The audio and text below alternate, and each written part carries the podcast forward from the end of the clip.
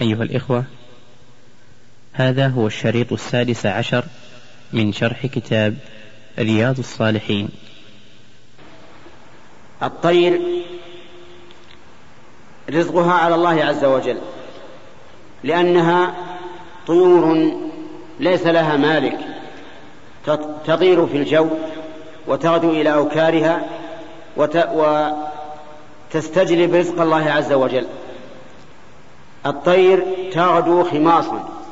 تغدو يعني تذهب في أول النهار لأن الغدوة أول النهار. خماصا يعني جائعة كما قال تعالى فمن اضطر في مخمصة غير متجانف لإثم فإن الله غفور رحيم. مخمصة يعني مجاعة. تغدو خماصا يعني جائعة ليس في بطونها شيء لكنها متوكلة على ربها عز وجل. وتروح بطانا. تروح يعني ترجع في آخر النهار لأن الرواح هو آخر النهار. بطانا أي ممتلئة البطون من رزق الله عز وجل. ففي هذا دليل على على مسائل. أولا أنه ينبغي للإنسان أن يعتمد على الله حق الاعتماد. ثانيا أنه ما من دابة في الأرض إلا على الله رزقها. حتى الطير في جو السماء لا يمسكه في جو السماء إلا الله ولا يرزقه إلا الله. كل دابة في الأرض. من أصغر ما يكون من الدواب الذر ومن أكبر ما يكون الفيلة وأشباهها وأشباهها. كل دابة في الأرض فإن على الله رزقها. كما قال الله تعالى وما من دابة في الأرض إلا على الله رزقها ويعلم مستقرها ومستودعها. ولقد ضل ضلالا مبينا من أساء الظن بربه فقال لا تكثروا من الأولاد تضيق عليكم الأرزاق.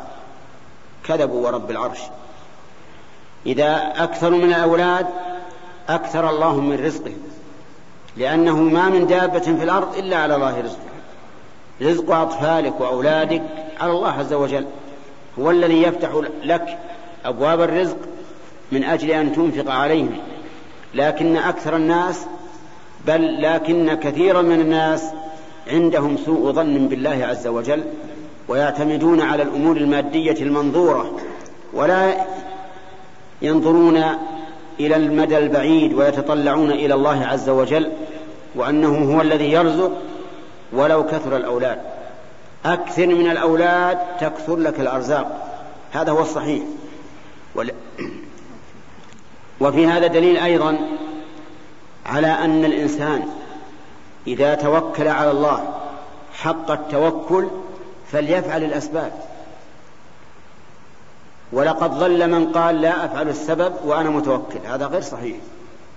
المتوكل هو الذي يفعل الأسباب معتمدا على الله عز وجل.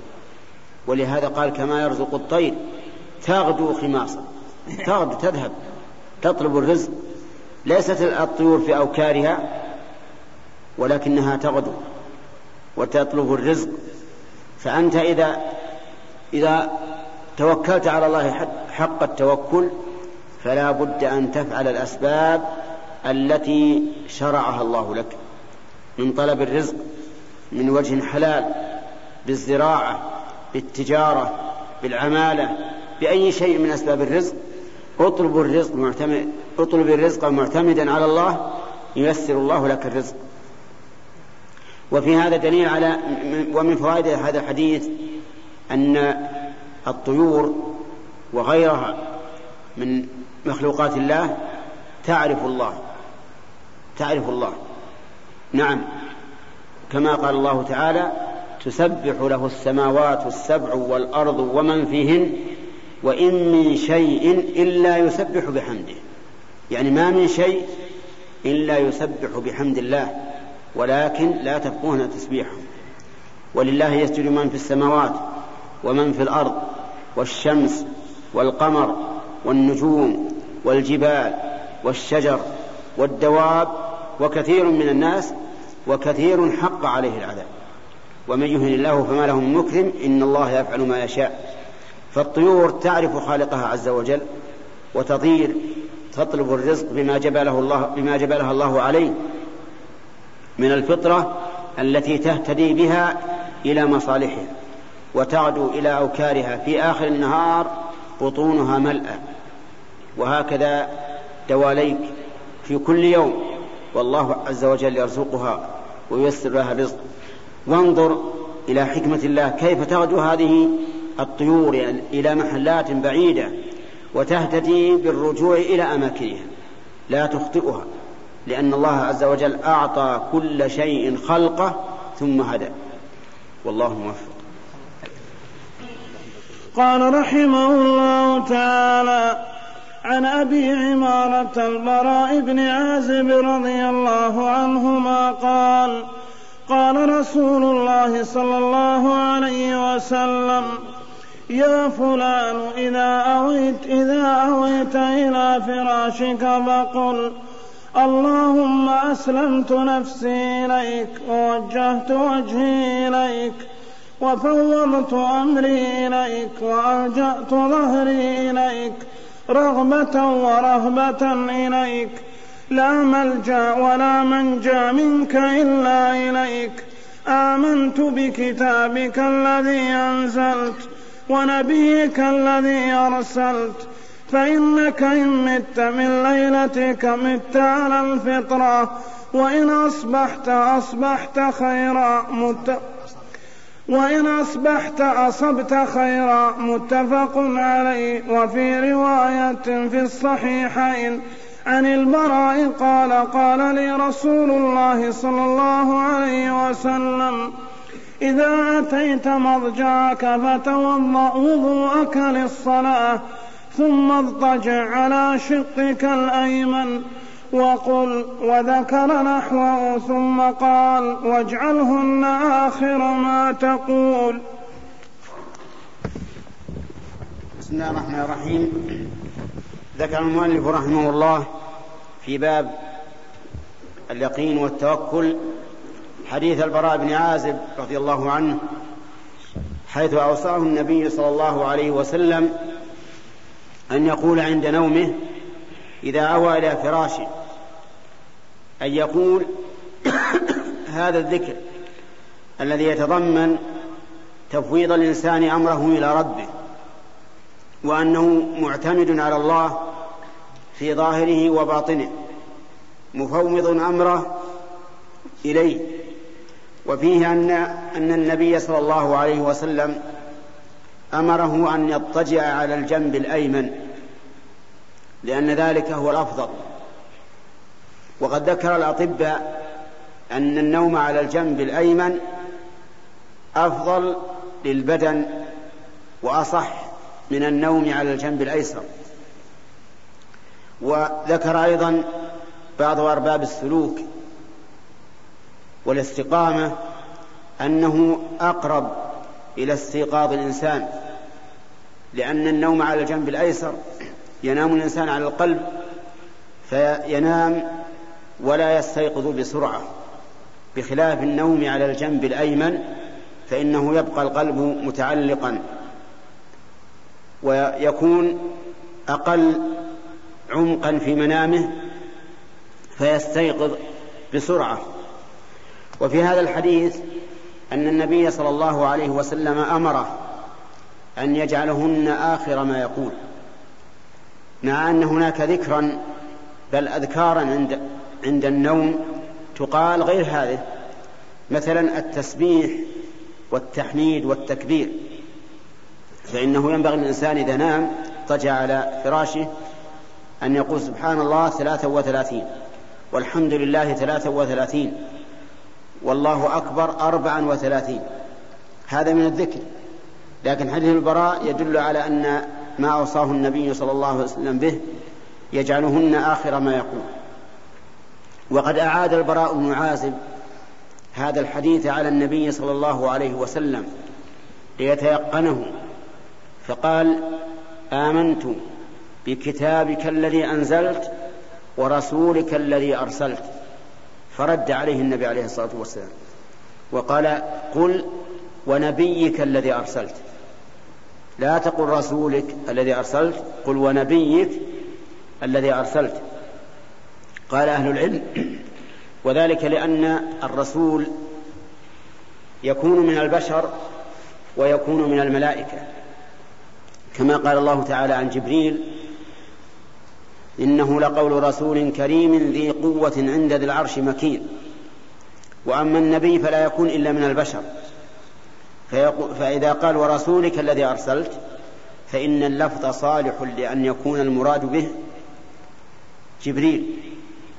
لكن إذا قال ونبيك الذي أرسلت اختص بمحمد صلى الله عليه وسلم. هذا من وجه. ومن وجه آخر أنه إذا قال رسولك الذي أرسلت فإن دلالة هذا اللفظ على النبوة من باب دلالة اللزوم. وأما إذا قال نبيك الذي أرسلت فإنه يدل على النبوة دلالة مطابقة. ومعلوم أن دلالة المطابقة أقوى من دلالة اللزوم أو الالتزام. هذا الشاهد من هذا الحديث قوله وفوضت أمري إليك. وقوله لا ملجأ ولا منجى منك إلا إليك. فإن التوكل تفويض الإنسان أمره إلى ربه وكونه لا يلجأ ولا يطلب منجى من الله إلا إلى الله عز وجل. إذا أراد الله بقوم سوءا فلا مرد له. فإذا أراد الله بالإنسان شيئا فلا مرد له إلا الله عز وجل. يعني إلا أن تلجأ إلى ربك سبحانه وتعالى. فينبغي الإنسان إذا أراد النوم أن ينام على الجنب الأيمن وأن يقول هذا الذكر وأن يجعله آخر ما يقول. والله موفق. نقل المؤلف رحمه الله تعالى عن أبي بكر الصديق رضي الله عنه قال نظرت إلى أقدام المشركين ونحن في الغار وهم على رؤوسنا. فقلت يا رسول الله لو أن أحدهم نظر تحت قدميه لأبصرنا فقال ما ظنك يا أبا بكر؟ باثنين الله ثالثهما. متفق عليه. الرحيم. قال رحمه الله تعالى فيما نقله عن أبي بكر الصديق رضي الله عنه أنه قال للنبي صلى الله عليه وسلم وهما في الغار والمشركون على فم الغار. لو نظر أحدهم إلى قدميه لأبصرنا. فقال النبي صلى الله عليه وسلم يا أبا بكر ما ظنك باثنين الله ثالثهما؟ يعني ما ظنك هل أحد يقدر عليهما أو ينالهما بالسوء وهذه القصة كانت حين هاجر النبي صلى الله عليه وسلم من مكة إلى المدينة. وذلك أن رسول الله صلى الله عليه وسلم لما جهر بالدعوة ودعا الناس وتبعوه وخاف المشركون قاموا ضد دعوته وضايقوه وآذوه بالقول وبالفعل. فأذن الله له بالهجرة من مكة إلى المدينة فهاجر عليه الصلاة والسلام على رأس ثلاث عشرة سنة من مبعثه. هاجر إلى المدينة ولم يصحبه إلا أبو بكر رضي الله عنه. والدليل والخادم. فهاجر بأمر الله وصحبه أبو بكر. ولما سمع المشركون بخروجه من مكة جعلوا لمن جاء به مئة بعير ولمن جاء بأبي بكر مئة بعير وصار الناس يطلبون الرجلين في الجبال في الأودية في المغارات في كل مكان حتى وقفوا على الغار الذي فيه النبي صلى الله عليه وسلم وأبو بكر وهو غار ثور اختفيا فيه ثلاث ليال حتى يبرد عنهم الطلب. فقال أبو بكر يا رسول الله لو نظر أحدهم إلى قدمه لابصرنا لأننا في الغار تحته. فقال ما ظنك باثنين؟ الله ثالثهما. وفي كتاب الله أن الله أنه قال له لا تحزن إن الله معنا. فيكون قال الأمرين أي قال لا تحزن إن الله معنا وقال ما ظنك باثنين الله ثالثهما. يعني هل أحد يقدر عليهما بأذية أو غير ذلك؟ والجواب لا أحد يقدر. لأنه لا مانع لما أعطى ولا معطي لما منع ولا مذل لمن أعز ولا معز لمن أذل. قل اللهم مالك الملك تؤتي الملك من تشاء وتنزع الملك ممن تشاء وتعز من تشاء وتذل من تشاء بيدك الخير إنك على كل شيء قدير. وفي هذه القصة دليل على كمال توكل النبي صلى الله عليه وسلم على ربه وأنه معتمد عليه ومفوض إليه أمره وهذا هو الشاهد من وضع هذا الحديث في باب اليقين والتوكل. وفيه دليل على أن قصة نسج العنكبوت غير صحيحة. كما يوجد في بعض التواريخ أن العنكبوت نسجت على باب الغار وأنه نبت فيه شجرة وأنه كان على غصنها حمامة وأن المشركين لما جاءوا إلى الغار قالوا هذا ما فيه أحد فهذه الحمامة على غصن شجرة على بابه وهذه العنكبوت قد عششت على بابه كل هذا لا صحة له. لأن الذي منعهما الذي منع المشركين من رؤية الرسول صلى الله عليه وسلم وأصحابه وصحبه وصحبه وصاحبه أبي بكر الذي منع المشركين من رؤية النبي صلى الله عليه وسلم وصاحبه أبي بكر ليس أمورا حسية تكون لهما ولغيرهما بل هي أمور معنوية آية من آيات الله عز وجل حجب الله أبصار المشركين عن رؤية النبي صلى الله عليه وسلم وصاحبه أبي بكر. أما لو كان نسجت العنكبوت أو الشجرة نبتت عليه أو فيها أو في حمامة على غصنها فهذه أمور حسية كل يختفي بها عن غيره. لكن الأمر آية من آيات الله عز وجل. فالحاصل أن ما يذكر في كتب التاريخ في هذا لا صحة له. بل, بل, بل الحق الذي لا شك فيه أن الله سبحانه وتعالى أعمى أبصار المشركين عن رؤية النبي صلى الله عليه وسلم وصاحبه في الغار. والله موفق. نقل المؤلف رحمه الله تعالى عن أم سلمة رضي الله عنها أن النبي صلى الله عليه وسلم كان إذا خرج من بيته قال بسم الله توكلت على الله اللهم إني أعوذ بك أن أضل أو أضل أو أزل أو أزل أو أظلم أو أظلم أو أجهل أو يجهل علي. حديث صحيح رواه أبو داود والترمذي وغيرهما بأسانيد صحيحة. قال الترمذي حديث حسن صحيح وهذا لفظ أبي داود. الرحمن الرحيم.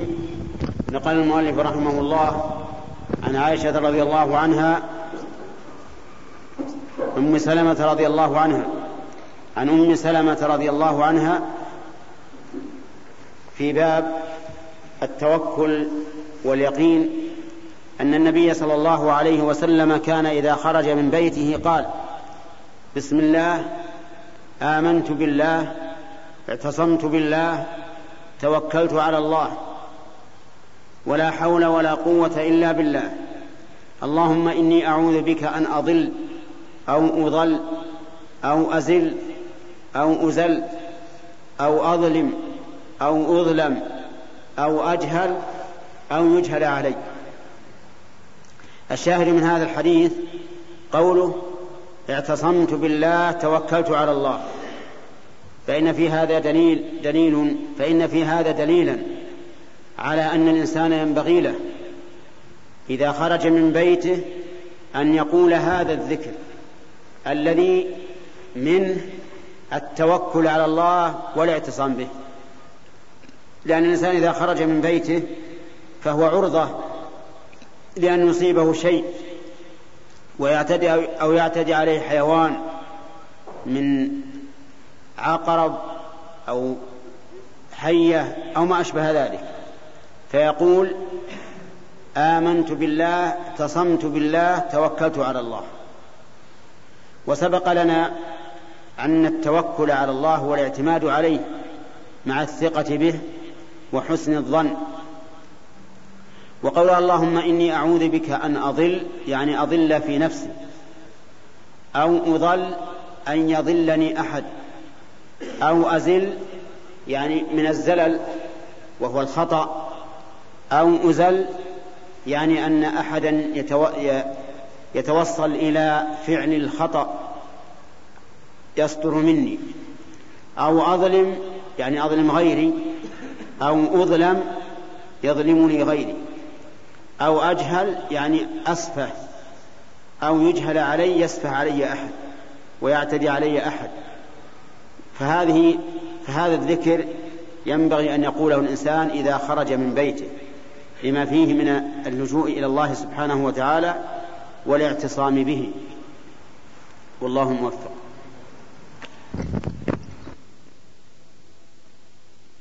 بسم الله الرحمن الرحيم. الحمد لله رب العالمين. والصلاة والسلام على نبينا محمد وعلى آله وصحبه أجمعين.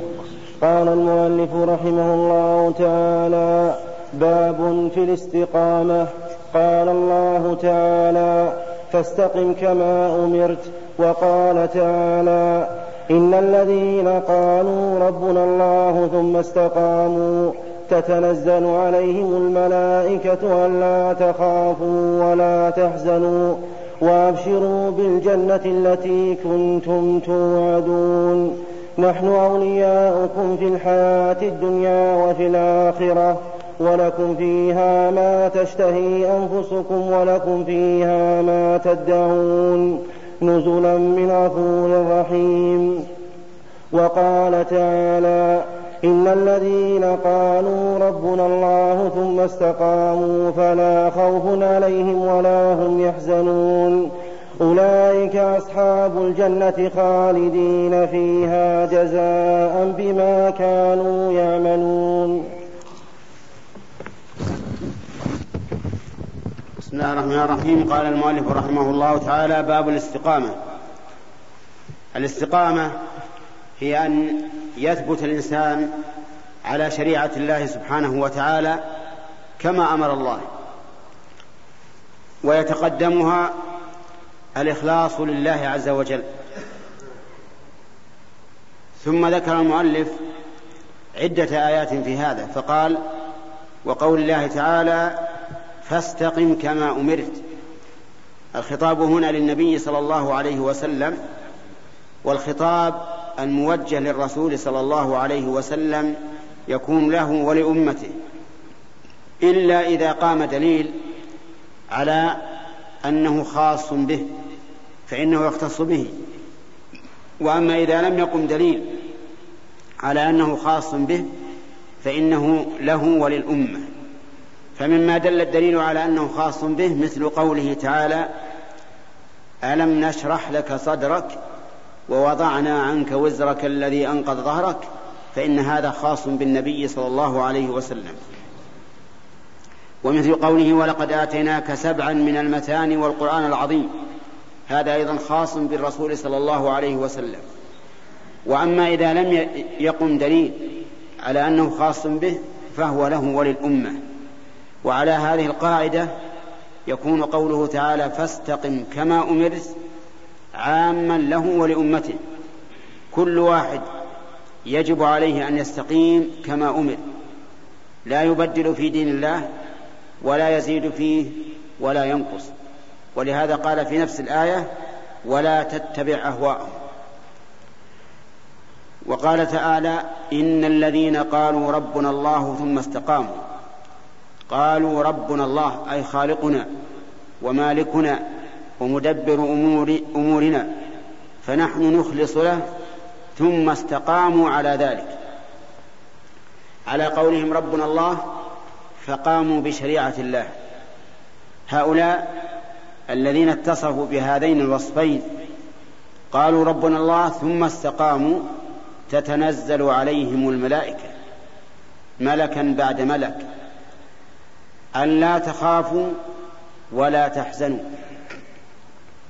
يعني أن الملائكة تتنزل عليهم بأمر الله في كل موطن مخوف في كل موطن مخوف ولا سيما عند الموت يقولون لهم لا تخافوا ولا تحزنوا لا تخافوا فيما تستقبلون من أموركم ولا تحزنوا على ما مضى من أموركم وأبشروا بالجنة التي كنتم توعدون. والبشرى هي الإخبار بما يسر. ولا شك أن الإنسان يسره أن يكون من أهل الجنة. أسأل الله أن يجعلني وإياكم من أهلها. أبشروا بالجنة التي كنتم توعدون.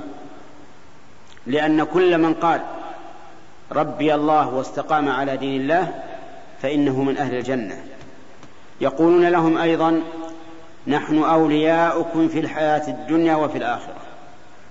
فالملائكة أولياء للذين قالوا ربنا الله ثم استقاموا في الحياة الدنيا تسددهم وتساعدهم وتعينهم وكذلك في الآخرة تتلقاهم الملائكة يوم البعث والحساب هذا يومكم الذي كنتم توعدون. فيبشرونهم بالخير في مقام الخوف والشدة. قال الله عز وجل ولكم فيها ما تشتهي أنفسكم ولكم فيها ما تدعون. لكم فيها أي في الآخرة ما تشتهي أنفسكم. وذلك في نعيم الجنة. فإن الجنة فيها ما تشتهيه الأنفس وتلذ الأعين. ولكم فيها ما تدعون أي ما تطلبون من كل نعيم. بل لهم فوق ذلك. لهم ما يشاءون فيها ولدينا مزيد. لهم زيادة على ما يدعونه ويطلبونه ويتمنونه. نزلا من غفور رحيم. يعني أن الجنة نزل نزل لهم. ضيافة من غفور رحيم. غفور غفر لهم سيئاتهم رحيم بهم رفع لهم درجاتهم. هذا جزاء الذين يقولون ربنا الله ثم يستقيمون. وفي هذا دليل على أهمية الاستقامة على دين الله بأن يكون الإنسان ثابتا لا يزيد ولا ينقص ولا يبدل ولا يغير. فأما من غلا في دين الله أو جفى عنه أو بدل فإنه لم يكن مستقيما. الاستقامة لا بد لها من الاعتدال في كل شيء حتى يكون الإنسان مستقيما على شريعة الله عز وجل. والله موفق. اللهم لا مانع لما أعطيت ولا اللهم لا مانع لما أعطيت ولا بسم الله الرحمن الرحيم. الحمد لله رب العالمين والصلاة والسلام على نبينا محمد وعلى آله وصحبه أجمعين. قال رحمه الله تعالى باب في الاستقامة. قال الله تعالى فاستقم كما أمرت. وقال تعالى إن الذين قالوا ربنا الله ثم استقاموا. تتنزل عليهم الملائكة ألا تخافوا ولا تحزنوا وأبشروا بالجنة التي كنتم توعدون. نحن أولياؤكم في الحياة الدنيا وفي الآخرة ولكم فيها ما تشتهي أنفسكم ولكم فيها ما تدعون. نزلا من غفور رحيم. وقال تعالى إن الذين قالوا ربنا الله ثم استقاموا فلا خوف عليهم ولا هم يحزنون. أولئك أصحاب الجنة خالدين فيها جزاء بما كانوا يعملون. وعن أبي عمرو وقيل أبي عمرة سفيان بن عبد الله رضي الله عنه قال قلت يا رسول الله قل لي في الإسلام قولا لا أسأل عنه أحدا غيرك. قال قل آمنت بالله ثم استقم رواه مسلم. بسم الله الرحمن الرحيم. قال المؤلف رحمه الله تعالى باب في الاستقامة. الاستقامة هي الثبات على دين الله وعلى شرعه وأن يكون الإنسان ملتزما بالشريعة لا زائدا فيها ولا ناقصا عنها. ثم ذكر المؤلف قول الله عز وجل فاستقم كما أمرت وهذا الخطاب للنبي صلى الله عليه وسلم. والخطاب له خطاب له ولأمته ما لم يدل الدليل على أنه خاص به. فإن, فإن دل الدليل على أنه خاص به فهو له وحده. وقال تعالى إن الذين قالوا ربنا الله ثم استقاموا تتنزل عليهم الملائكة ألا تخافوا ولا تحزنوا وأبشروا بالجنة التي كنتم توعدون. الذين قالوا ربنا الله يعني آمنوا به ربا ورضوا بدينه ورضوا بشرعه ورضوا بقضائه وقدره ورضوا بكل ما جاء منه سبحانه وبحمده ثم استقاموا على الدين.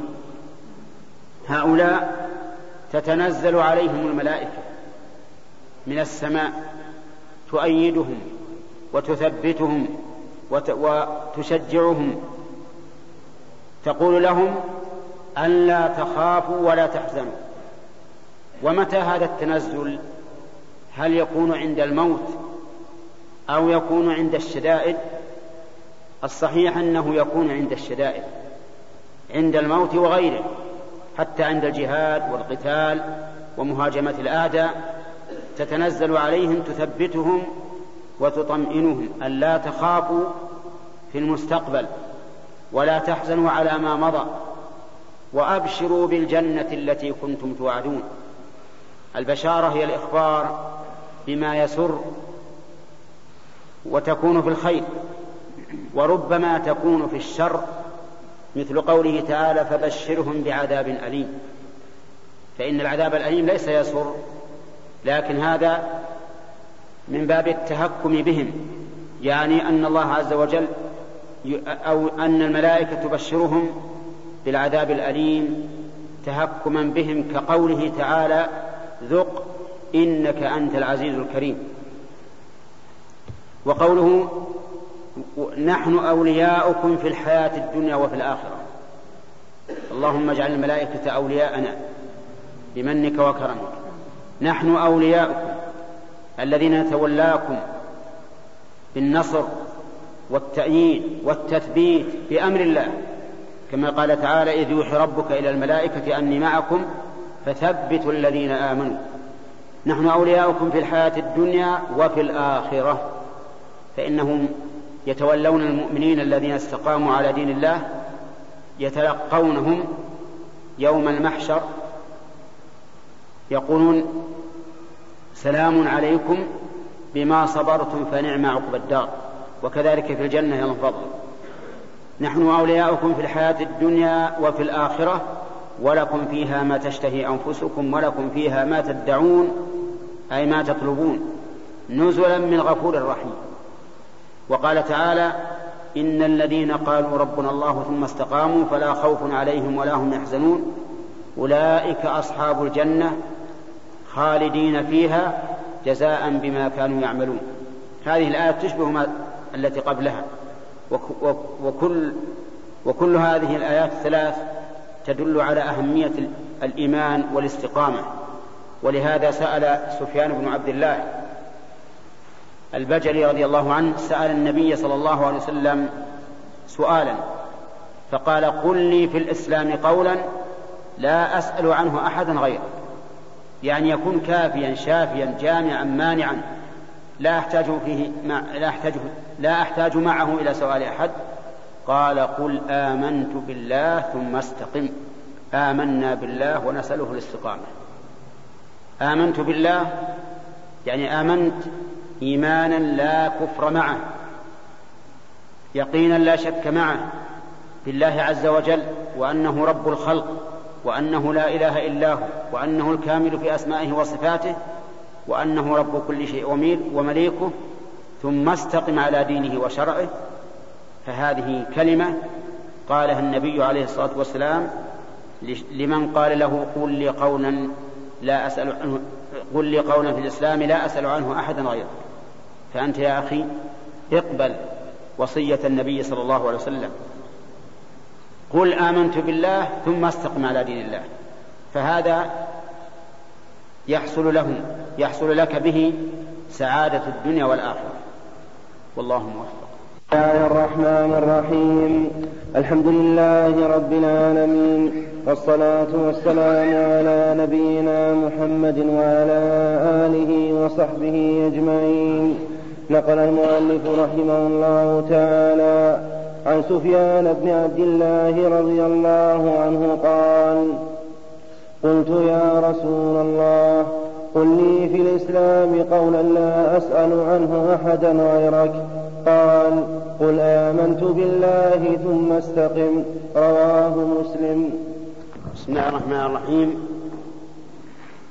هذا الباب الذي نحن فيه هو باب الاستقامة وقد سبق لنا تفسيرها وتفسير الآيات التي جاءت بها.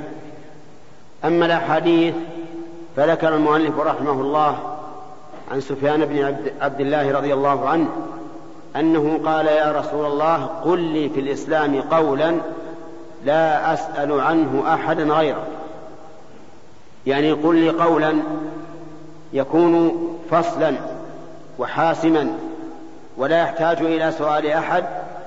فقال له النبي صلى الله عليه وسلم قل آمنت بالله ثم استقم. فقوله عليه الصلاة والسلام قل آمنت.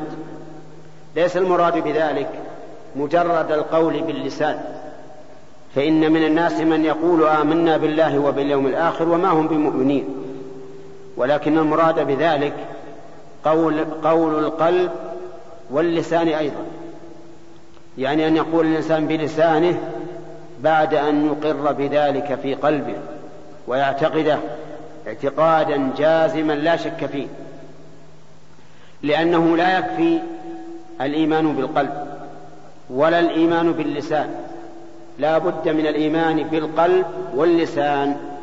ولهذا كان النبي عليه الصلاة والسلام يقول وهو يدعو الناس إلى الإسلام يقول يا أيها الناس قولوا لا إله إلا الله تفلحوا.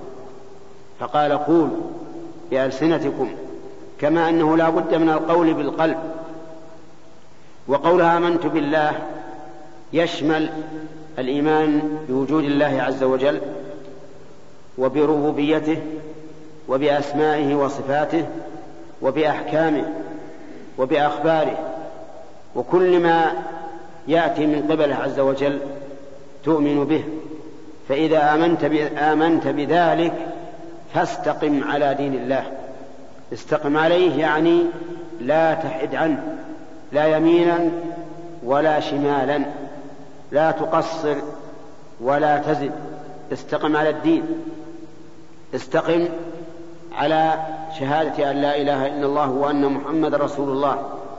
وذلك بالإخلاص لله عز وجل والمتابعة لرسوله. استقم على الصلاة استقم على الزكاة استقم على الصيام على الحج على جميع شريعة الله. وفي قوله عليه الصلاة والسلام قل آمنت بالله ثم دليل على أن الاستقامة لا تكون إلا بعد الإيمان وأن من شرط الأعمال الصالحة أي من شرط صحتها وقبولها أن تكون مبنية على الإيمان. فلو أن الإنسان عمل بظاهره على ما على ما ينبغي ولكن باطنه خراب في شك أو في اضطراب أو في إنكار وتكذيب فإن ذلك لا ينفعه. ولهذا اتفق العلماء رحمهم الله على أن من شروط صحة العبادة وقبولها أن يكون الإنسان مؤمنا بالله أي معترفا به وبجميع ما جاء من قبله تبارك وتعالى. هذا الحديث يستفاد منه أيضا أن الإنسان ينبغي له إذا إذا قام بعمل أن يشعر بأنه يقوم به لله وأنه يقوم به بالله وأنه يقوم به بالله لأنه لا يستقيم على دين الله إلا بعد الإيمان بالله عز وجل.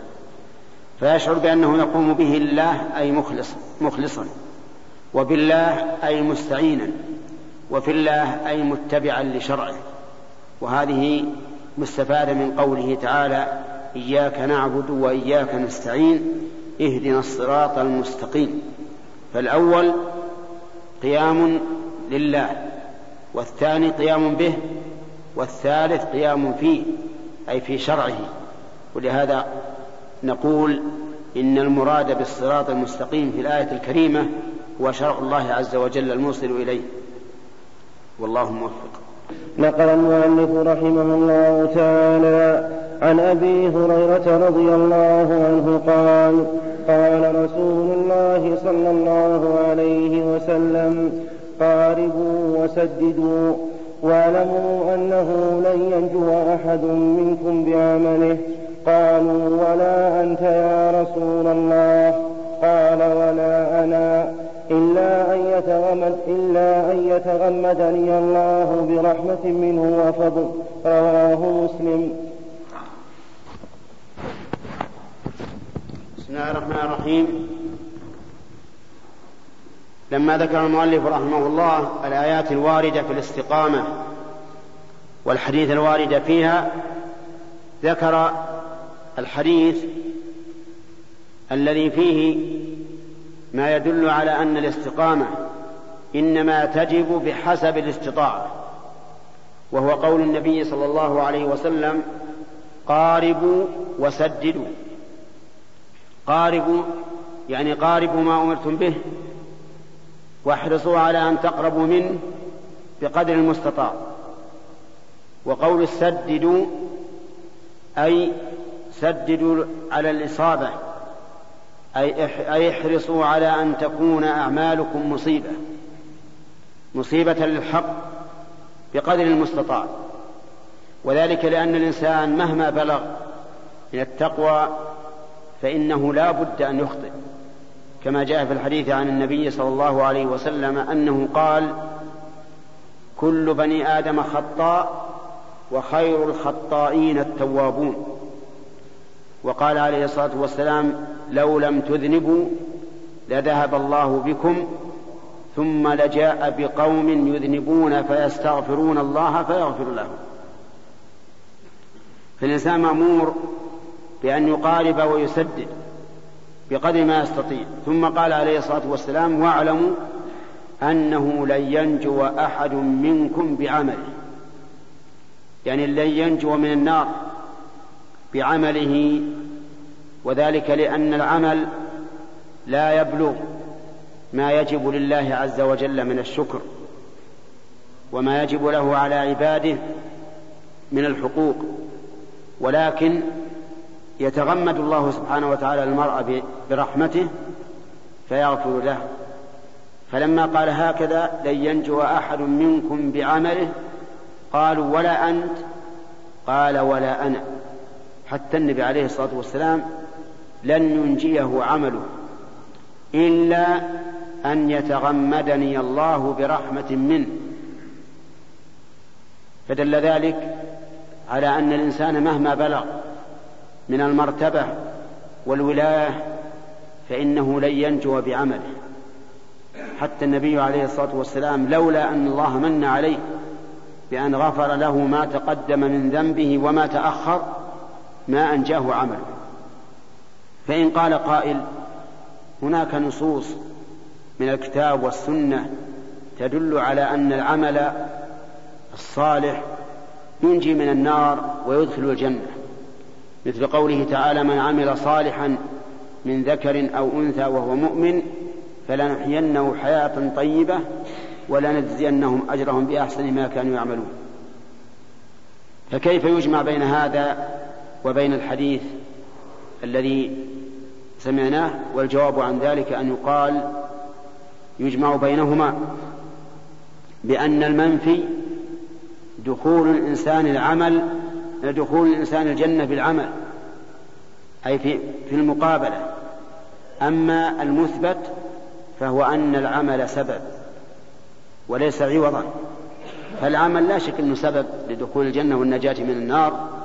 لكنه ليس هو العوض وليس وحده الذي يدخل به الإنسان الجنة ولكن فضل الله ورحمته هما السبب في دخول هما اللذان يوصلان الإنسان إلى الجنة وينجيانه من النار. وفي هذا من وفي هذا الحديث من الفوائد أن أن الإنسان لا يعجب بعمله مهما كان مهما عمل من الأعمال الصالحة لا تعجب بعملك عملك قليل بالنسبة لحق الله عليك. وفيه أيضا من الفوائد أنه ينبغي للإنسان أن يكثر الله دائما من السؤال بأن يتغمده الله برحمته. أكثر من هذا. واللهم تغمدني برحمة منك وفضل. دائما. لأن عملك لن يوصلك إلى إلى مرات الله إلا برحمة الله عز وجل. وفيه دليل على حرص الصحابة رضي الله عنهم عن على العلم. ولهذا لما قال لا ينجو أحد منكم بعمله استفصلوا هل هذا العموم شامل له أم لا؟ فبين لهم صلى الله عليه وسلم أنه شامل له.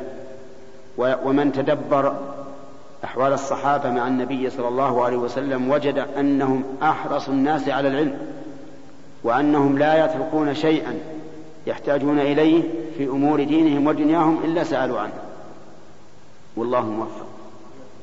قال المؤلف رحمه الله تعالى باب في التفكر في عظيم مخلوقات الله وفناء الدنيا وأهوال الآخرة وسائر أمورهما.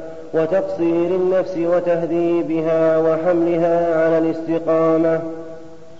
قال الله تعالى إنما أعظكم بواحدة أن تقوموا لله مثنى وفرادا ثم تتفكروا.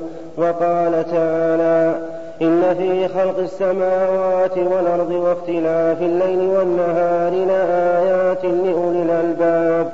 الذين يذكرون الله قياما وقعودا وعلى جنوبهم ويتفكرون في خلق السماوات والأرض. ربنا ما خلقت هذا باطلا سبحانك.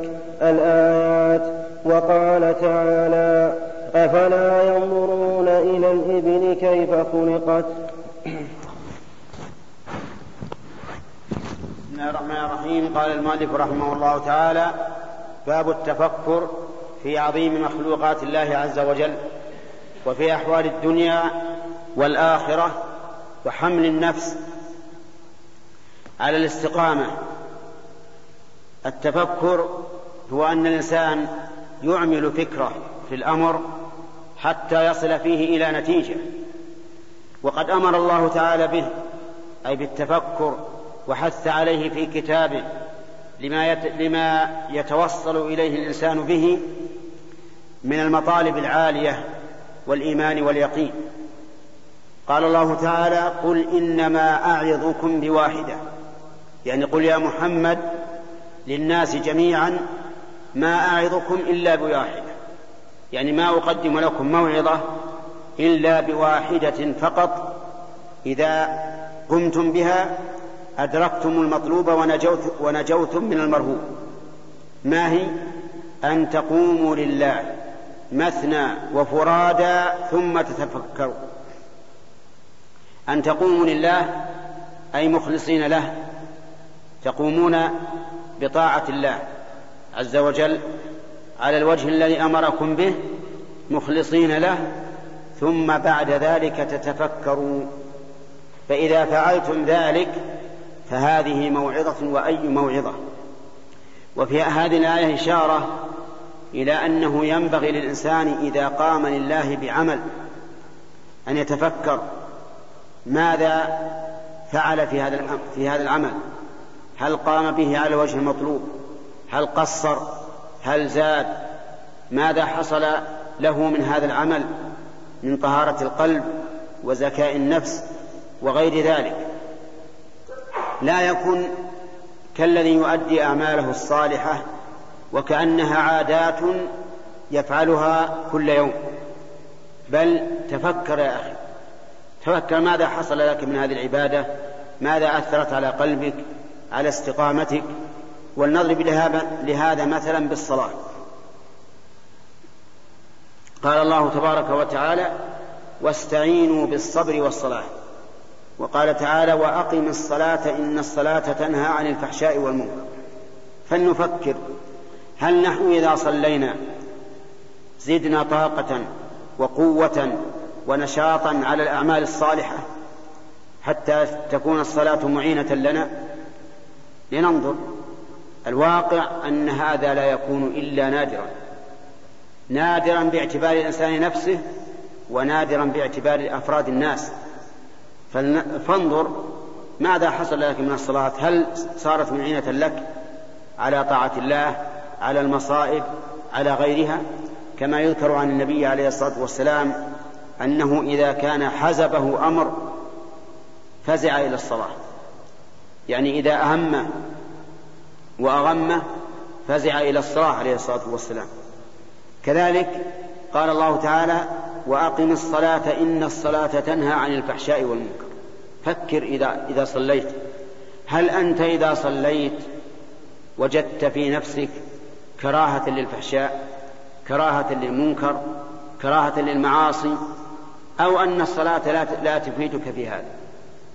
إذا عرفت هذه الأمور عرفت نتائج الأعمال الصالحة وكنت متعظا بما وعظك به النبي صلى الله عليه وسلم. قل إنما أعظكم بواحدة أن تقوموا لله مثنى وفرادى ثم تتفكروا. ومثال آخر في الزكاة. الزكاة هي المال الواجب في الأموال الزكوية.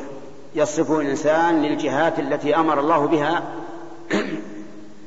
وقد بين الله فوائدها فقال لرسوله صلى الله عليه وسلم خذ من أموالهم صدقة تطهرهم وتزكيهم بها.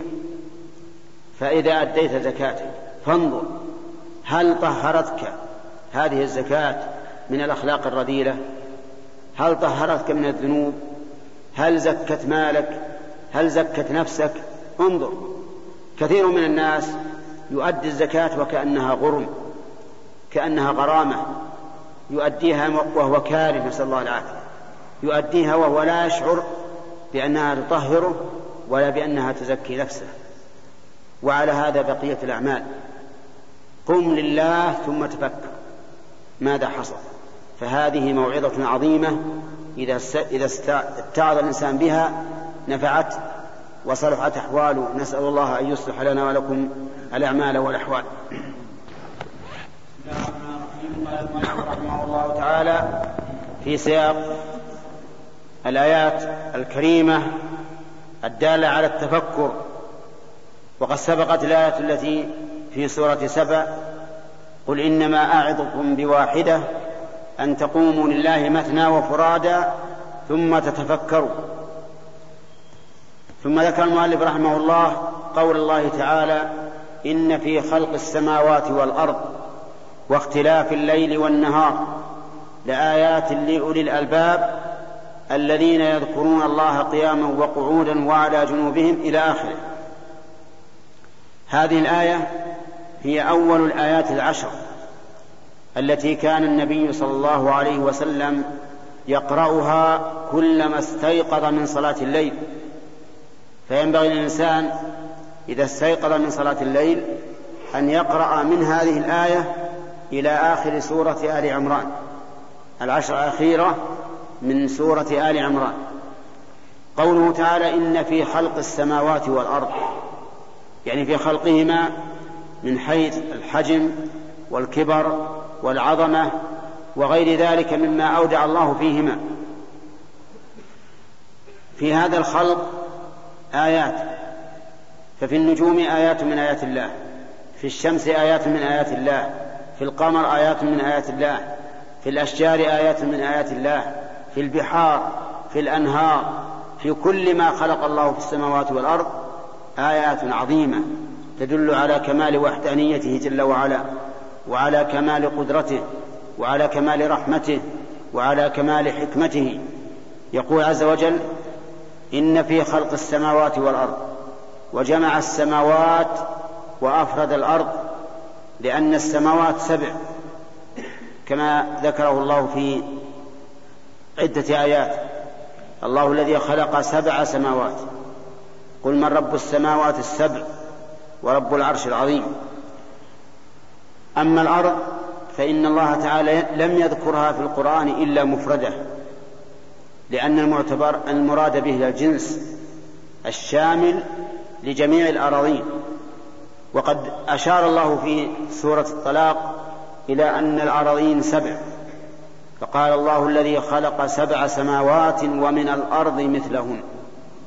مثلهن في العدد وليس مثلهن في الخلقة والعظم بل السماوات أعظم من الأرض بكثير لكنهن مثل لا مثل السماء مثل السماوات في العدد وقد جاءت السنة صريحة في ذلك مثل قول النبي عليه الصلاة والسلام من اقتطع شبرا من الأرض ظلما طوقه يوم القيامة من سبع أراضين في خلق السماوات والأرض واختلاف الليل والنهار. اختلاف الليل والنهار من وجوه متعددة. أولا من جهة أن الليل مظلم والنهار مضيء.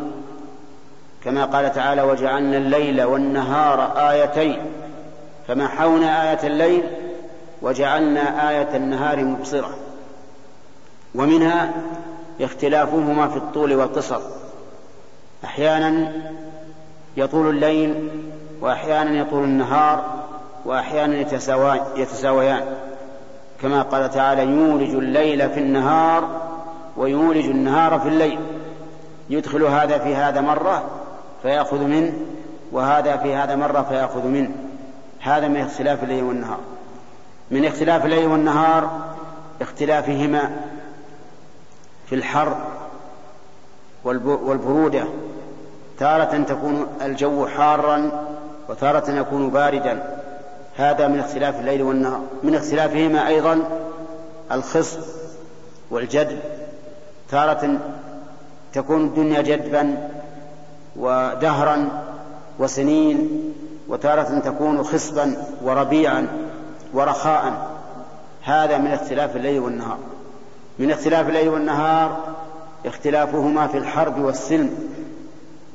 تارة تكون حربا وتارة تكون سلما وتارة تكون عزة وتارة تكون ذلة كما قال الله تعالى وتلك الأيام نداولها بين الناس ومن تأمل اختلاف الليل والنهار وجد فيهما من آيات الله عز وجل ما يبهر العقول.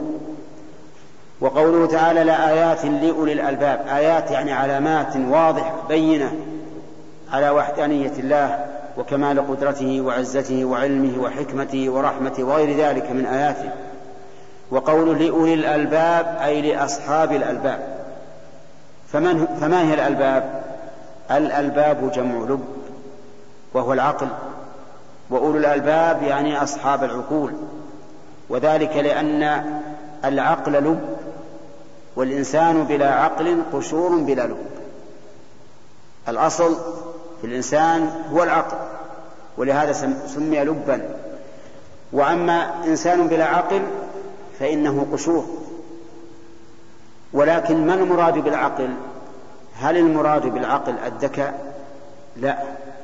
الذكاء شيء والعقل شيء آخر. رب ذكي نابغ في ذكائه لكنه مجنون في تصرفه. فالعقل حقيقة هو ما يعقل صاحبه عن سوء التصرف. هذا العقل. وإن لم يكن ذكيا فإذا من الله على الإنسان بالذكاء والعقل تمت عليه النعمة. وقد يكون إنسان ذكيا وليس بعاقل وعاقلا وليس بذكي. جميع الكفار وإن كانوا أذكياء كلهم ليسوا عقلاء. إن شر الدواب عند الله الصم البكم الذين لا يعقلون. كل إنسان يتصرف تصرفا سيئا فليس بعاقل. فأولو العقول فأولو الألباب هم أولو العقول الذين يتفكرون في خلق السماوات والأرض وينظرون في الآيات ويعتبرون بها ويستدلون بها على من هي آيات له. هؤلاء هم أصحاب العقول. هم أصحاب الألباب. فاحرص يا أخي على أن تتفكر في خلق السماوات والأرض وأن تتدبر ما فيهما من الآيات وكذلك في الأيام والليالي وكيف تتغير الأحوال وكيف تنقلب من حال إلى حال وكل ذلك بيد الله عز وجل. وكل ذلك من آياته. والله موفق. الحمد لله رب العالمين.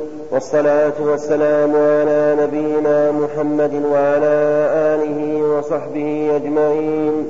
نقل المؤلف رحمه الله تعالى في في سياق ذكر الآيات في باب التفكر. وقال تعالى أفلا ينظرون إلى الإبل كيف خلقت وإلى السماء كيف رفعت وإلى الجبال كيف نصبت وإلى الأرض كيف سطحت. فذكر إنما أنت مذكر وقال تعالى أفلم يسيروا في الأرض فينظروا. الآية والآيات في الباب كثيرة.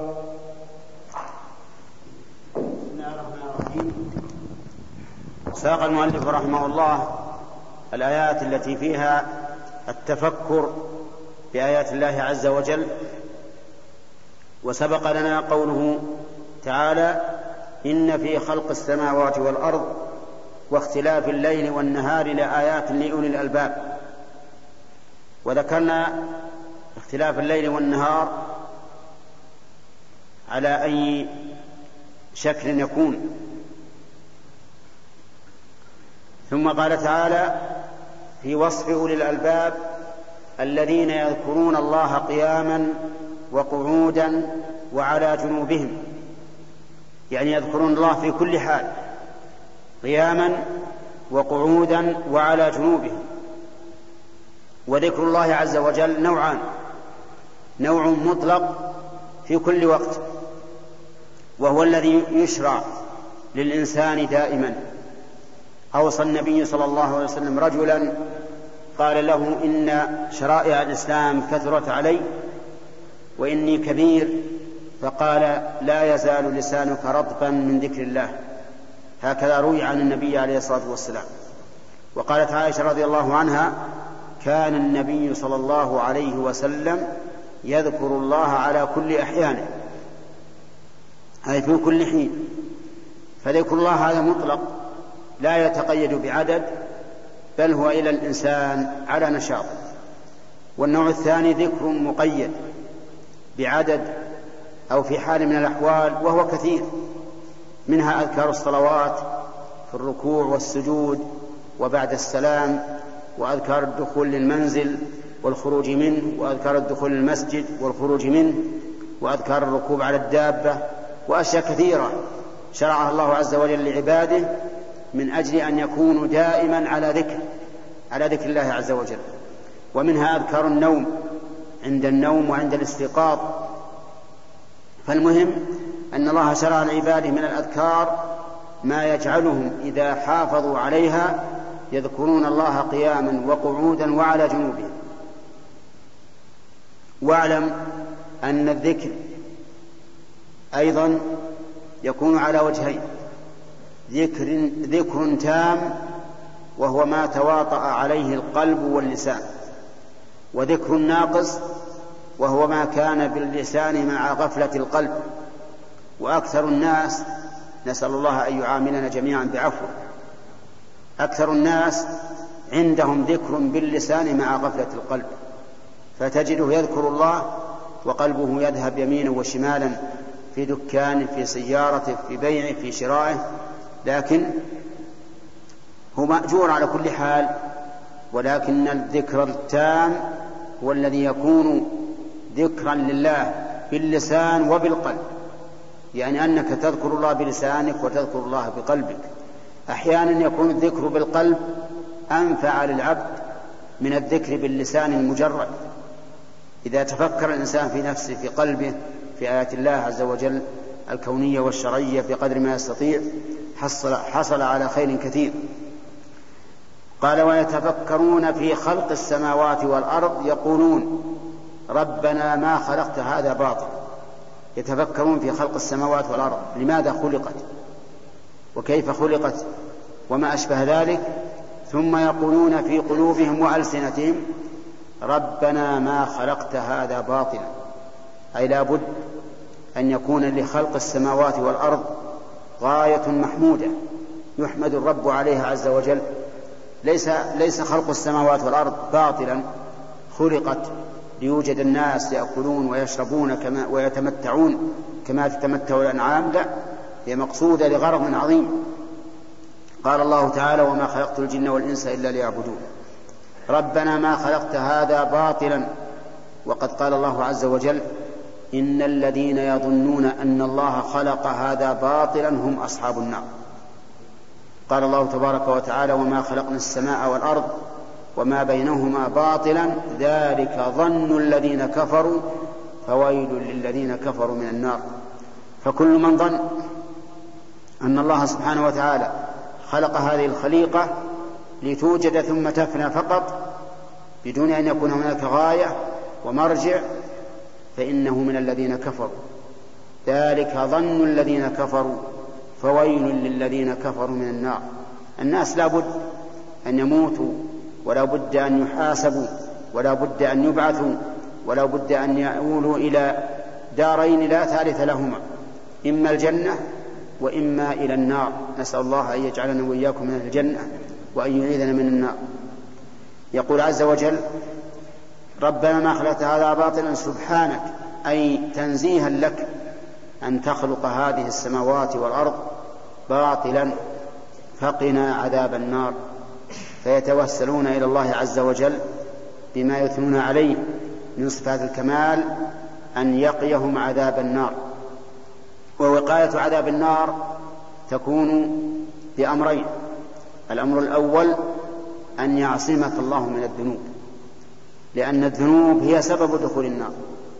والثاني أن يمن الله عليك إذا عصيت بالتوبة والإقلاع. لأن الإنسان بشر لا بد أن يعصي. ولكن باب التوبة مفتوح ولله الحمد. قال الله تعالى قل يا عبادي الذين أسرفوا على أنفسهم لا تقنطوا من رحمة الله إن الله يغفر الذنوب جميعا.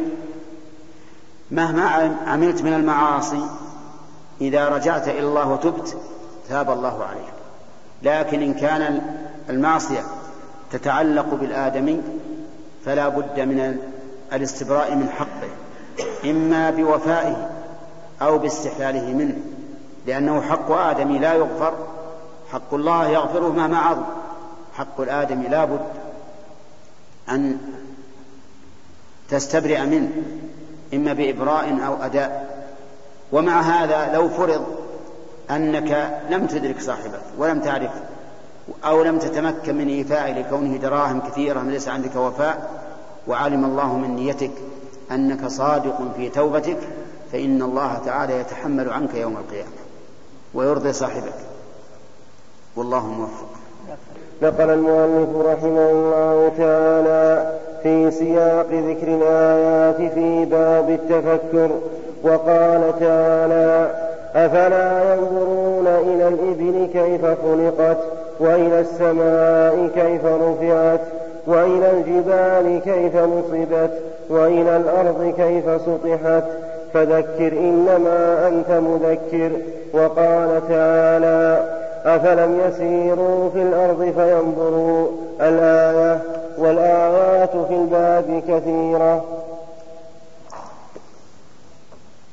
بسم الله الرحمن الرحيم قال المؤلف رحمه الله تعالى ذاكرا الآيات التي فيها الدعوة إلى التفكر في آيات الله عز وجل. ذكر منها ما سبق ثم قال وقوله وقوله تعالى أفلا ينظرون إلى الإبل كيف خلقت وإلى السماء كيف رفعت وإلى الجبال كيف نصبت وإلى الأرض كيف سطحت. أفلا ينظرون؟ هذا من باب الحث على النظر في هذه الأمور الأربعة. إلى الإبل كيف خلقت؟ كيف خلقها الله عز وجل على هذا الجسم الكبير المتحمل لحمل الأثقال؟ كما قال تعالى وتحملوا أثقالكم إلى بلد لم تكونوا بالغيه إلا بشق الأنفس. هذه الإبل الكبيرة الأجسام القوية ذللها الله عز وجل لعباده حتى كان الصبي يقودها إلى ما يريد مع أنها لو عتت ما استطاع الناس أن يدركوها ولهذا كان من المشروع أن الإنسان إذا استوى على ظهرها راكبا قال سبحان الذي سخر لنا هذا وما كنا له مقرنين. مقرنين يعني مطيقين لأن قرين الإنسان من كان على مثله وعلى شاكلته.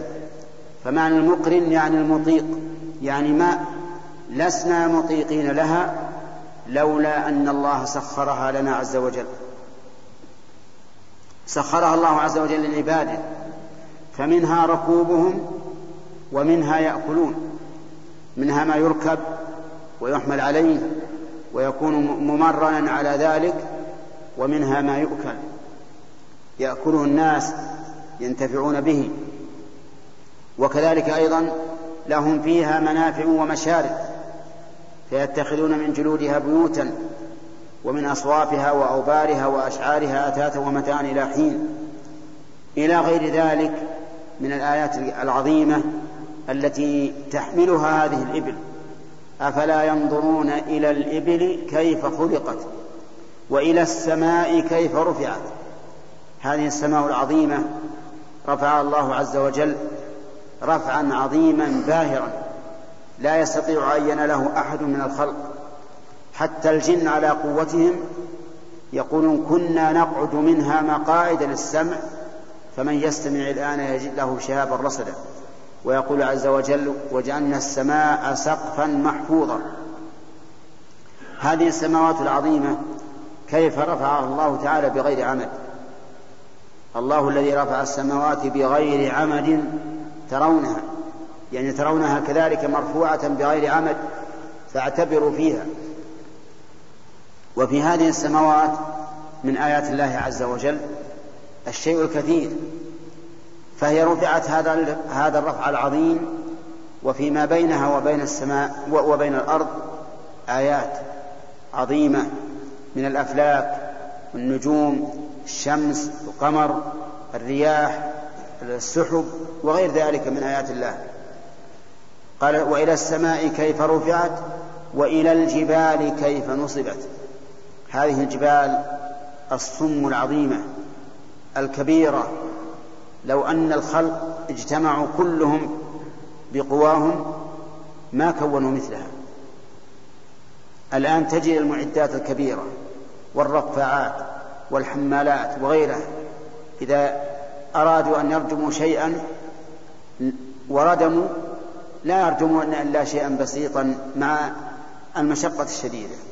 هذه الجبال الصم يجب أن نتفكر فيها. كيف نصبها الله عز وجل؟ نصبها سبحانه وتعالى على حكمة عظيمة لأن الله سبحانه وتعالى جعل في هذه الجبال التي نصبها مصالح عظيمة كبيرة منها أنها رواسي ترسي الأرض تمسكها عن الاضطراب. كما قال تعالى وألقى في الأرض رواسي أن تميد بكم يعني أن تضطرب. فلولا أن الله رساها بهذه الجبال لكانت مضطربة كالسفينة على ظهر الماء في شدة الأمواج. ولكن الله جعلها بهذه الجبال ساكنة قارة لا تضطرب ولا تميد بأهلها. هذه الجبال أيضا تقي من أهوية ورياح شديدة عاصفة في بعض الأماكن تقي أيضا من برودة عظيمة تأتي من ناحية القطب وتقي أيضا من حرارة شديدة وكذلك أيضا في سفوحها من آيات الله عز وجل من النبات والأودية والمعادن شيء عظيم كثير. فلهذا قال وإلى الجبال كيف نصبت؟ قال وإلى الأرض كيف سطحت؟ إلى الأرض كيف سطحها الله؟ جعلها الله تعالى سطحا وسخرها للعباد. جعلها ذلولا مذللة بحيث لم تكن تربتها لينة جدا لا يستقرون عليها ولا صلبة جدا لا ينتفعون منها بل جعلها سبحانه وتعالى رخوة مسطحة مبسوطة حتى ينتفع الناس بما حتى ينتفع الناس على سطحها بما يسر الله سبحانه وتعالى لهم من الأسباب النافعة. وهذه الأرض المسطحة هي أيضا كروية يعني أنها شبه الكرة مستديرة من كل جانب إلا أنها مفرطحة من الناحية الشمالية والجنوبية من ناحية القطبين الشمالي والجنوبي. ولذلك لو أن أحدا من الناس ركب طائرة متجها نحو المغرب على خط مستقيم مستقيم لكان يخرج إلى المكان الذي أقلعت منه الطائرة. وهذا يدل على أنها مستديرة لأن الإنسان يصل طرفها بطرفها. ويدل على هذا قوله تعالى إذا السماء انشقت وآذنت لربها وحقت وإذا الأرض مدت وألقت ما فيها وتخلت وهذا يوم وهذا يكون يوم القيامة. فقول إذا الأرض مدت يدل على أنها الآن ليست ممدودة لكنها مسطوحة يعني أنها كالسطح لأنها, لأنها لكبر جرمها لا يتبين فيها الانحناء الذي يكون في الكرة. فهذه الأشياء الأربعة أفلا ينظرون إلى الإبل كيف خلقت وإلى السماء كيف رفعت وإلى الجبال كيف نصبت وإلى الأرض كيف سطحت. يحثنا الله عز وجل على النظر فيها بعين البصر وعين البصيرة. بعين البصر الذي هو الإدراك الحسي وعين البصيرة التي هي الإدراك العقلي. حتى نستدل بها على ما تدل عليه من آيات الله. من علم وقدرة وحكمة ورحمة وغير ذلك. والله موفق.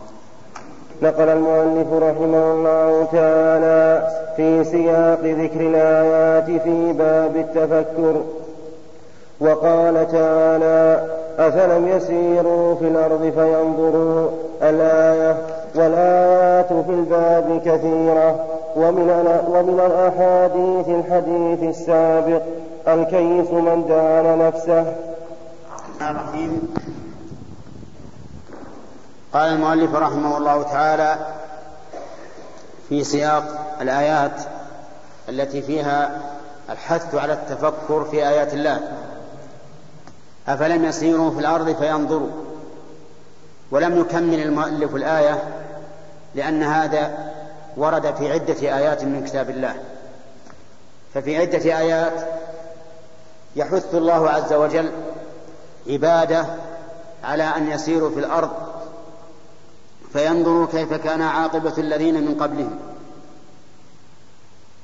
ومنها قوله تعالى في سورة القتال أفلم يسيروا في الأرض فينظروا كيف كان عاقبة الذين من قبلهم دمر الله عليهم وللكافرين أمثالها.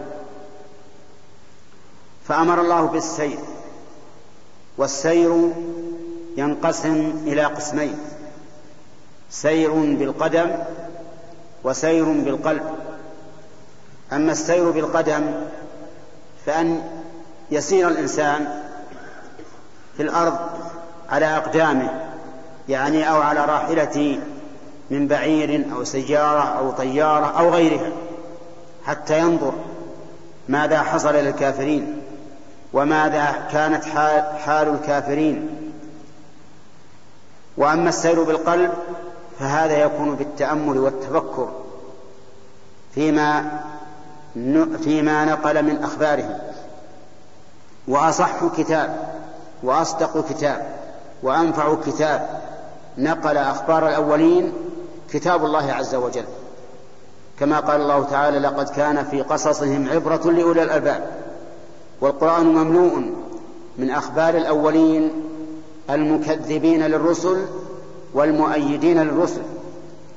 وبين الله عاقبة هؤلاء وهؤلاء.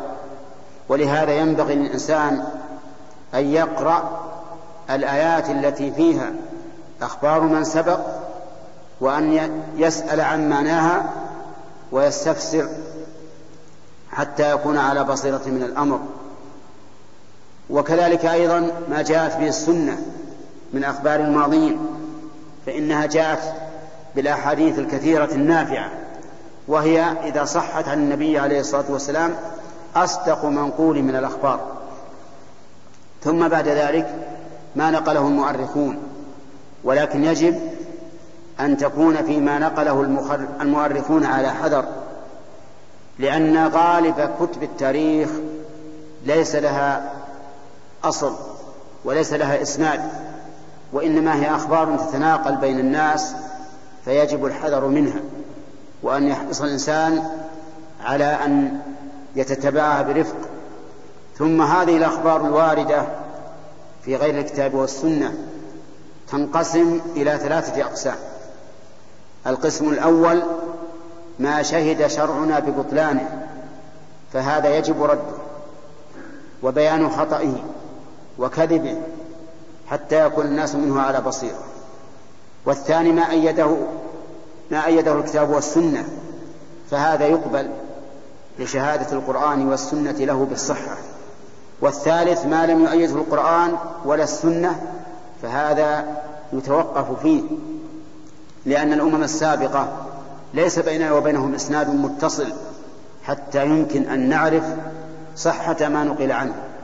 ولكنه ينقل ويكون أخبار إسرائيليات ينظر فيها ولكن يتوقف لا تقبل ولا ترد هذا هو العدل.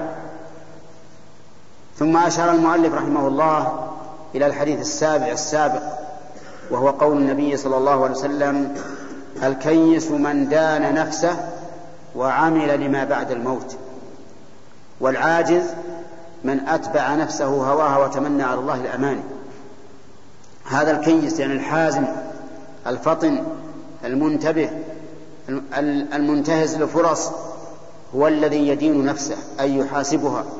فينظر ماذا أهمل من الواجب وماذا فعل من المحرم وماذا أتى به من الواجب وماذا اجتنبه من المحرم حتى يصلح نفسه. هذا هو الكيس أما العاجز فهو الذي يتبع نفسه هواها يدع نفسه وهواها ما هوت نفسه أخذ به وما كرهت نفسه لم يأخذ به سواء وافق شرع الله أم لا هذا هو العاجز. وما أكثر العاجزين اليوم الذين يتبعون أنفسهم هواها ولا يبالون بمخالفة الكتاب والسنة ولا يهتمون بهذا نسأل الله لنا ولهم الهداية. والعاجز من أتبع نفسه هواها وتمنى على الله الأماني يعني يقول سيغفر لي سوف أستقيم فيما بعد سوف أقوم بالواجب فيما بعد سوف أترك هذا فيما بعد. أو يقول الله يهديني إذا نصحته قال أسأل الله لي الهداية اسأل لي الهداية وما أشبه ذلك. هذا عاجز عاجز. الكيس هو الذي يعمل بحزم وجد. ويحاسب نفسه ويكون عنده قوة في أمر الله وفي دين الله وفي شرع الله حتى يتمكن من ضبط نفسه. وإلا فإن الله تعالى يقول في كتابه وما أبرئ نفسي إن النفس لأمارة بالسوء إلا ما رحم ربي. نسأل الله أن يرحمنا وإياكم برحمته وأن يعيننا وإياكم على ذكره وشكره وحسن عبادته. بسم الله الرحمن الرحيم. الحمد لله رب العالمين والصلاة والسلام على نبينا محمد وعلى آله وصحبه أجمعين. قال رحمه الله تعالى باب في المبادرة إلى الخيرات وحث من توجه لخير على الإقبال عليه بالجد من غير تردد. قال الله تعالى فاستبقوا الخيرات وقال تعالى وسارعوا إلى مغفرة من ربكم وجنة عرضها السماوات والأرض. أعدت للمتقين. بسم الله الرحمن الرحيم. قال المؤلف رحمه الله تعالى باب المسارعة إلى الخيرات. وحث من أقبل على خير أن يتمه من غير تردد. هذا العنوان تضمن شيئين. الشيء الأول المبادرة والمسارعة إلى الخير. والثاني أن الإنسان إذا عزم على الشيء وهو خير فليمضي فيه ولا يتردد. أما الأول وهو المبادرة فإن ضد المبادرة التواني والكسل وكم من إنسان توانى وكسل ففاته خير كثير. ولهذا قال النبي عليه الصلاة والسلام المؤمن القوي خير وأحب إلى الله من المؤمن الضعيف وفي كل خير احرص على ما ينفعك واستعن بالله ولا تعجز. فالإنسان ينبغي له أن يسارع في الخيرات. كلما ذكر له شيء من الخير بادر إليه. فمن ذلك الصلاة والصدقة والصوم والحج وبر الوالدين وصلة الأرحام وغير إلى غير ذلك من من مسائل الخير. سارع إليها. لأن الإنسان لا يدري فربما يتوانى في الشيء ولا ولا ولا يقدر عليه بعد ذلك. إما بموت أو مرض أو فوات أو غير هذا. وقد جاء في الحديث عن النبي عليه الصلاة والسلام إذا أراد أحدكم الحج فليعجل فإن الإنسان لا يدري ما يعرض له. قد يعرض له شيء يمنعه من الفعل فسارع إلى الخير ولا تتوانى. ثم ذكر المؤلف قول الله تبارك وتعالى فاستبقوا الخيرات. استبقوها يعني ما اسبقوا إليها وهو أبلغ من سابق إلى الخيرات. فالاستباق معناه أن الإنسان يسبق إلى الخير ويكون من أول الناس بالخير. ومن ذلك المسابقة في الصفوف في الصلاة.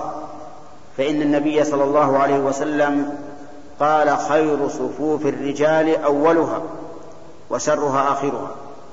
وقال في النساء خير صفوف النساء آخرها وشرها أولها.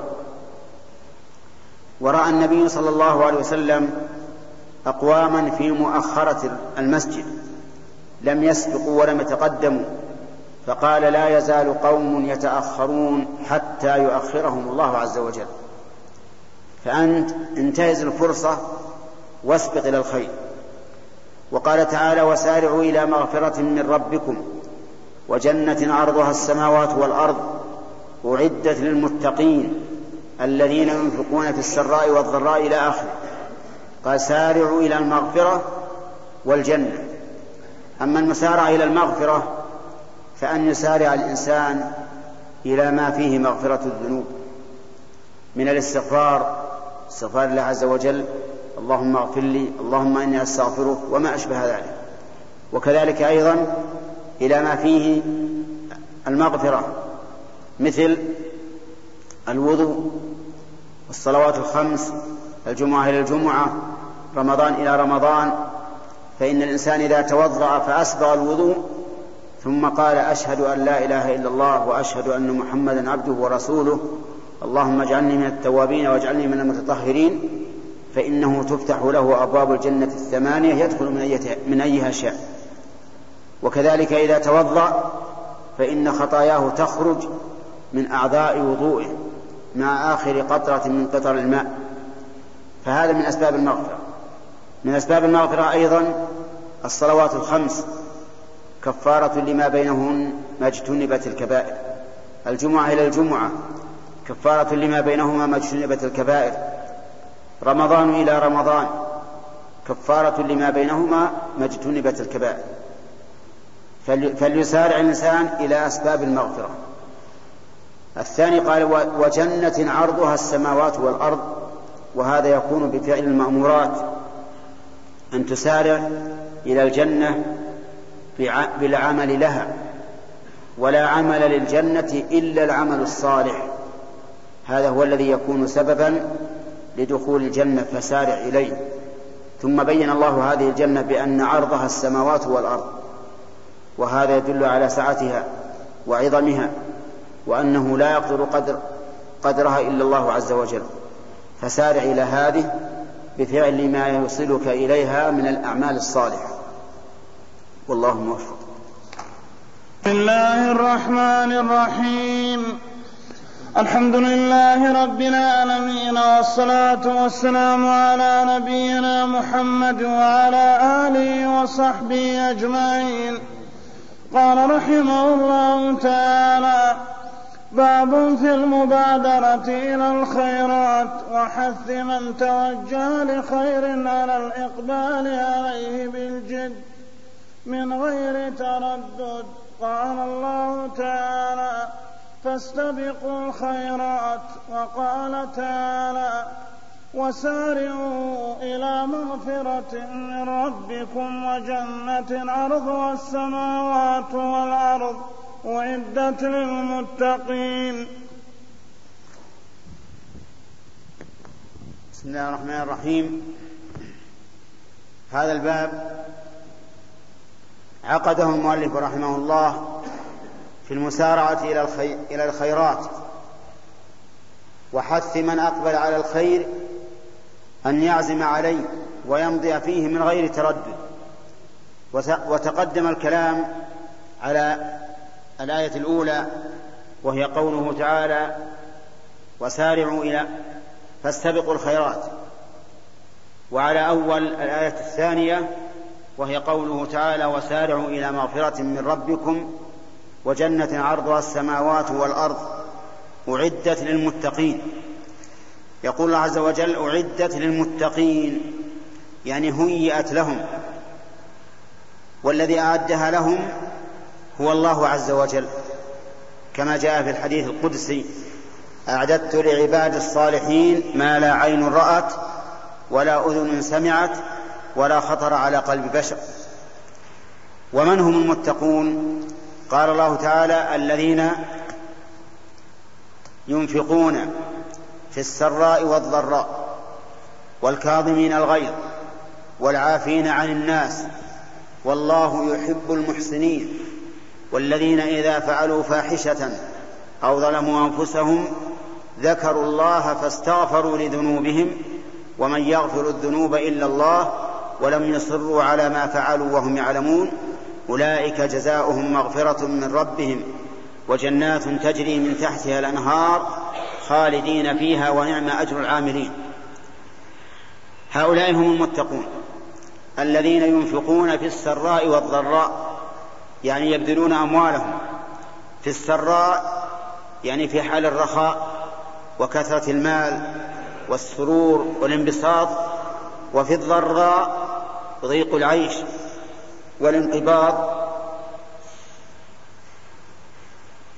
ولكن لم يبين الله سبحانه وتعالى هنا مقدار ما ينفقون ولكنه بينه في آيات كثيرة.